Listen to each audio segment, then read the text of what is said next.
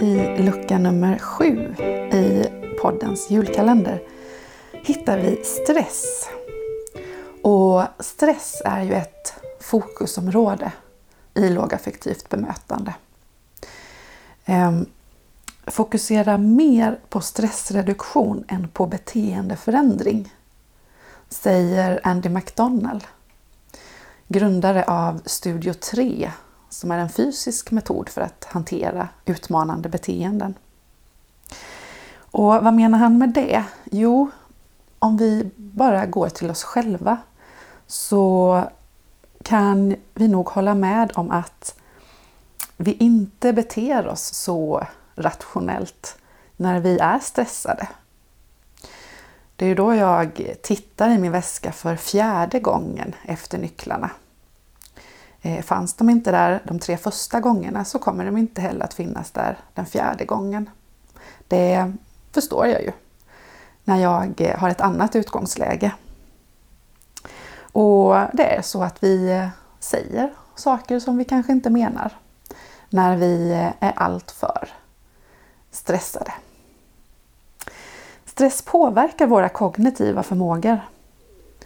Jag tror också att många med mig känner igen hur korttidsminnet brister när man är stressad.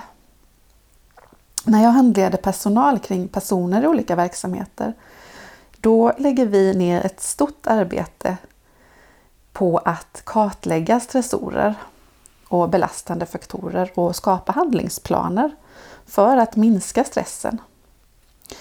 Då kartlägger vi dels sådana faktorer som vi ser påverkar personens stressnivå om dagarna eh, utifrån hur livet ser ut.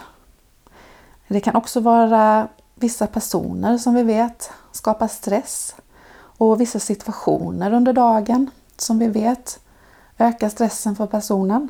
Som måltider och övergångar och så vidare. Och dels så kartlägger vi sådana komponenter som gör att personen varje morgon vaknar med en förhöjd stressnivå. Till exempel utifrån att man har en funktionsnedsättning som medför att man hamnar i situationer som kräver förmågor som man inte har. Till exempel att se sammanhang eller hantera socialt samspel. Och då ser man ju hur viktigt det blir med kravanpassningar. Vi ser också hur eh, det kan räcka med att det är december månad för att personens stressnivå ska vara riktigt nära kaos. December månad är ju en eh, belastande faktor i livet för många just nu. Och det kan räcka med att det är december för att eh, livet ska bli ohanterligt. Om vi går till oss själva så blir det viktigt att hantera vår egen stress utifrån det här med känslosmitta. Eh, vi ska ju inte öka på stressen hos den andra utifrån vårt fungerande. Eh, sen spelar ju också stress en stor roll i synvändan. Det här att eh, kunna ha utgångspunkten att människor gör rätt om de kan. Det kräver ju en viss reflektionsförmåga. Det kräver ju att jag inte är alltför uppe i mig och mitt. Utan att jag kan se mycket bredare. Eh, min fråga till dig utifrån dagens lucka blir Eh, hur hanterar du din stress? Och man kan ju tänka både kortsiktigt. Vad gör du i stunden, här och nu, när du känner att du får ett stresspåslag? Och så kan man tänka långsiktigt.